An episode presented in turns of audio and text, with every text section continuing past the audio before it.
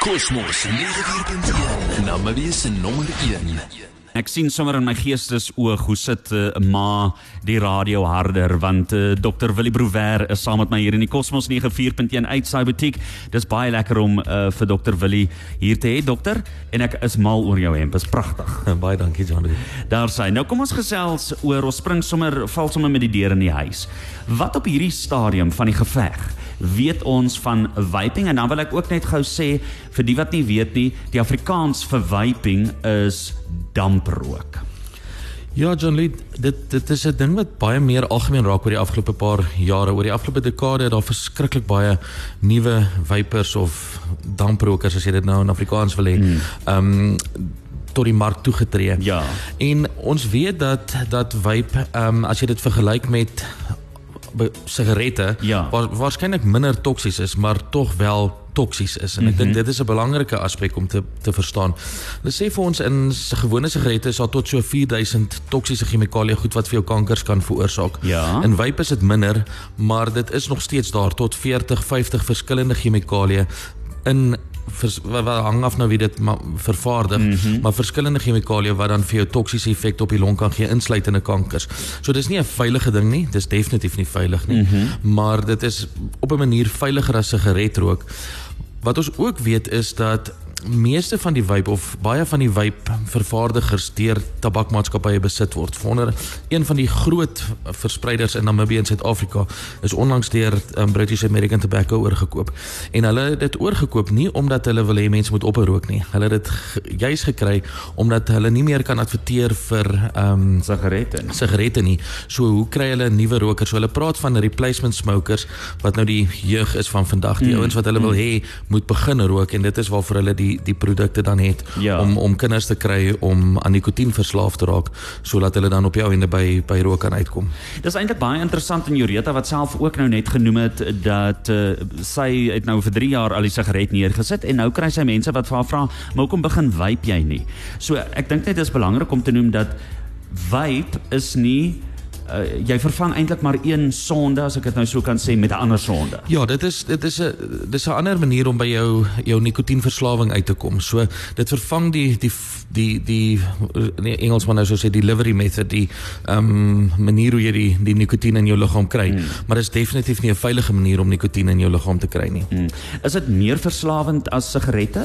Nee, dit is dis nikotien is verslawend. Ehm um, veral op op adolessente en kinders se breinontwikkeling is nikotien baie baie verslawend en dit gaan maar oor konsentrasies, maar in vape is daar ook verskillende konsentrasies, maar weer eens dis dis nikotien wat by die brein kan uitkom hmm. en jou verslaaf kry net soos gewone sigarette. Ja. Ehm um, en dis eintlik my volgende vraag want ek wil weet wat is die gesondheidsgevare wat dit inhou afgesien van dit wat dokter nou klaar genoem het.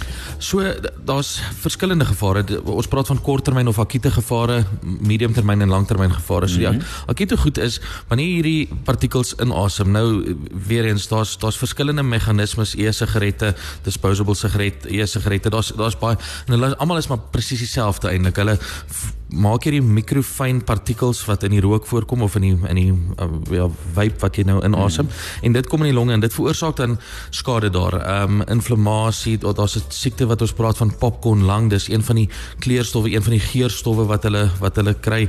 So wat is toestand wat ons in mediese terme obliteratiewe bronchiolitis noem wat eintlik maar 'n fibrotiese toestand is van die long wat oor tyd ontwikkel en dan natuurlik soos ek nou nog genoem het die die kankerrisiko wat daar is. Soos natuurlik nou nog vroeg in die, in die proses soos ons met sigarette jare terug geleer het ons hmm. sien eers die werklike gevare 15 20 30 jaar mm -hmm. na die na die tyd maar um, ons weet daar is daar is chemikalieë in byvoorbeeld formaldehied wat balsamvog is wat byvoorbeeld in in in e-sigarette voorkom wat kanker kan veroorsaak. So ons mm -hmm. weet dit die potensiaal potensiaal is daar in die langtermyn. Sjoe, dis interessant. Nou bly ingeskakel. Ek is nog nie klaar nie. Ek het nog 'n hele paar vrae wat ek wil vra en onthou ook jy is welkom as jy graag 'n vraag wil deurstuur. Stuur dit na 0851273000 ons WhatsApp lyn en ons vra vanoggend daai vraag vir, vir Dr. Willie Brouwer. Cosmos 94.1 Namawie se nommer 1. Terug by vaping. Ons gesels oor onder andere damprook. As jy nie geweet het wat die Afrikaans vir vape is nie. Dr. Prover, kom ons gesels oor want hier's ook 'n luisteraar wat gevra het, wat van as ek in 'n kantoor sit en ek asem daai tweedaanse vape rook in? Is dit net so gevaarlik soos sigaretrook? Uh en hoe? Ja, dit is gevaarlik. Dit is nie noodwendig dieselfde as sigaretrook nie, soos ek nou nou genoem het, sigaretrook is gevaarliker. Ehm um, in die sin van daar's meer toksiese chemikalieë in, maar daar is steeds toksiese toksiese chemikalieë in die vaperook. Mm -hmm. En ehm um, vir die tweedehandse roker as jy dit nou so wil noem, is daar ook gevare. Veral as dit 'n klein omgewing is of waar die waar die rook kan bly waar daar nie goeie ventilasie is nie. Daai tipe van goed kan definitief 'n rol speel en mens moet dit maar probeer vermy. Ja.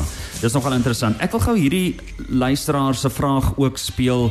Ehm um, is Stefan wat vir ons hierdie stemgreep of voice note gestuur het Stefan? Goeiemôre Jan. Wil ek wil net graag weet ehm um, wanneer jy vape, hoekom hoes jy minder as toe jy gerook het? Ek meen ek het vir 30 jaar gerook en gehyg na asem elke dag. Goed. En vanaf ek die vape gedoen het, dis nou al 'n jaar. Hoes ek glad glad glad nie eers nie eers 'n tiende van die hoeveelheid wat ek gehoes het ook geraak het nie. Ja, so weer eens dit gaan verskil van persoon tot persoon, maar soos ek ook vroeër genoem het, vape het definitief minder toksiese chemikalieë in. Mm. So daai daai kroniese inflammasie wat jy het met sigaretrook sal minder wees met met vape. Dit maak dit nie veilig nie. Maar dan moet ek ook by sê wanneer ons ehm um, vape gebruik as 'n metode om van rook af af te kom, ehm um, is daar 'n gesondheidsvoordeel in. So dis nie noodwendig dat dit dat dit sleg is vir die roker om oor te skakel van sigarette na na vape ehm um, as 'n alternatief nie Precies, om ja. risiko te verminder nie. Ja, ja. Sê vir my, ehm um, dokter en Okapipe Habi Habi Habli Babli verskoning uh, val dit in dieselfde kategorie? Ja, dit is ook 'n um, metode om nikotien te lewer en daar is die die risiko verbonde aan die aan die duur van blootstelling soos ek genoem het dat sigarette sê nou maar jy rook 'n sigaret 20 minute of 15 minute of hoe lank ook al. Wanneer wanneer veral kinders hookah pipe gebruik of habli babli of hoe ook al sit hulle gewoonlik in 'n vertrek en hulle asem die rook in vir ure aan een en mm -hmm. da, da, so dis die duur van blootstelling maak dit eintlik 'n gevaarlike vorm van van ehm um, nikotienlewering. Ja. So wat moet kinders en volwassenes weet van vaping as hulle nou net hierdie gedeelte moet hoor? Wat sou jy vir hulle sê? Ek dink die maklikste is om heeltemal weg te bly van dit vir 'n begin. Ek dink as mense dit kan vermy, ehm um, moenie eers begin nie. Ehm um, weet dat dit gevaarlik is, dat daar dat dit jou verslaaf kry aan nikotien en dat daar wel toksiese effekte is wat baie ernstige gevolge vir jou longe kan inhou. Ehm um, bestaande rokers kan dit sien as 'n manier om van rook af af te kom mits dit die die eindpunt van die van die van die ding is. Ja, die goal as ja, ek nou ja, ja. sê. As dit as dit as dit net 'n vervanging is, bly daar dieselfde of ja, soortgelyke gevare aan aan sigaretrook. Mm. Mm. En uh, ek wil net ook van die luisteraar 'n vraag gevra wat van die as ek nou kan die Engelse woord gebruik die is disposables die weggooibare ja. uh, is een uh, erger as die ander een is daar Nee, die le- die leweringsmeganisme maak nie die verskil nie. Almal van hulle lewer fyn partikels van chemikalieë in die longe op hoe ook al wat se manier. So almal is maar gevaarlik, verstaan? Ja. Of jy nou daar's nie 'n veiliger vorm van 'n van 'n leweringsmeganisme nie. Natuurlik en ek het uh, toevallig die naweek en dis waar ek hier gedagte gekry het is in die Verenigde Koninkryk ek wil nou net hierdie statistiek reg kry het hulle ehm um, het hulle die dis die Financial Times wat ontleed het hulle het verlede maand getoon dat meer as 1600 ton lithium gebruik is in 138 miljoen eenmalige vapes wat in 2022 in die Verenigde Koninkryk verkoop is wat moontlik genoeg van die seldsame metaal vermors het wat alternatiefelik gebruik kon word om ongeveer so 2600 elektriese voertuigbatterye kon vervaardig. So ons praat net hier ook van die impak op die op die omgewing, nie net op die mens nie. Ja, en daar's daar's baie soortgelyke ehm um, produkte wat in is. So, ons het nou gepraat van lithium, maar nikkel, lood. Daar's verskillende as toksines wil ek sê mm. wat in wat in hierdie vape kan voorkom en dit het 'n verskriklike groot impak op die op die omgewing en op die menslike gesondheid. Mm. Dokter, dit was baie lekker om te gesels. Dalk net 'n laaste woord van jou kant af oor die onderwerp aan skoliere, aan ouers, aan onderwysers, enige persoon wat wy.